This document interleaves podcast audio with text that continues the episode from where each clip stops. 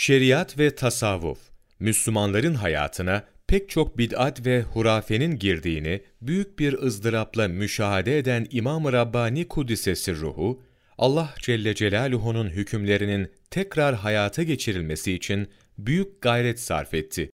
Sohbetlerinde, mektuplarında ve eserlerinde sık sık bu hususa temas edip şöyle buyurdu. Şeriatın üç kısmı vardır. İlim, akaid ve fıkıh, amel ve ihlas, tasavvuf.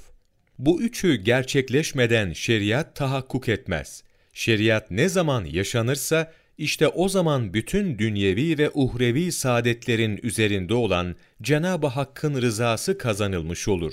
Ayet-i kerimede şöyle buyrulur. Allah'ın rızası en büyüktür. Şeriat, bütün dünyevi ve uhrevi saadetleri temin etmektedir.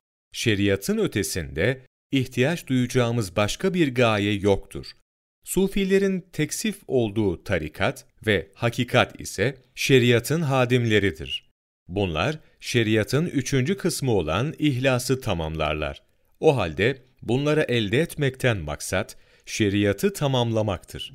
Yoksa şeriatın ötesinde başka bir şey değildir. Buna göre tarikat, şeriatın hakikatine ulaşmaktır. Yoksa şeriat, hakikatten farklı bir şey değildir. Batın, zahirin tamamlayıcısı, kemale erdiricisidir. Bu sebeple şeriatın zahirine ve ehli sünnet alimlerinin icmaına yani üzerinde ittifak ettikleri hükümlere aykırı olan keşifler kabule layık değildir. Nitekim İmam-ı Rabbani Kuddisesi ruhu şöyle buyurdu. Manevi haller şeriate bağlıdır. Şeriat hallere bağlı değildir. Çünkü şeriat sağlam ve kesindir. Doğruluğu vahiy ile sabittir. Haller ise zannidir. Keşif ve ilhamla sabittir. Tasavvufa girmenin bir diğer maksadı da salih amelleri rahat ve kolay bir şekilde yapabilmek ve nefse emmareden kaynaklanan tembellik, inat ve zıtlaşmayı yok etmektir.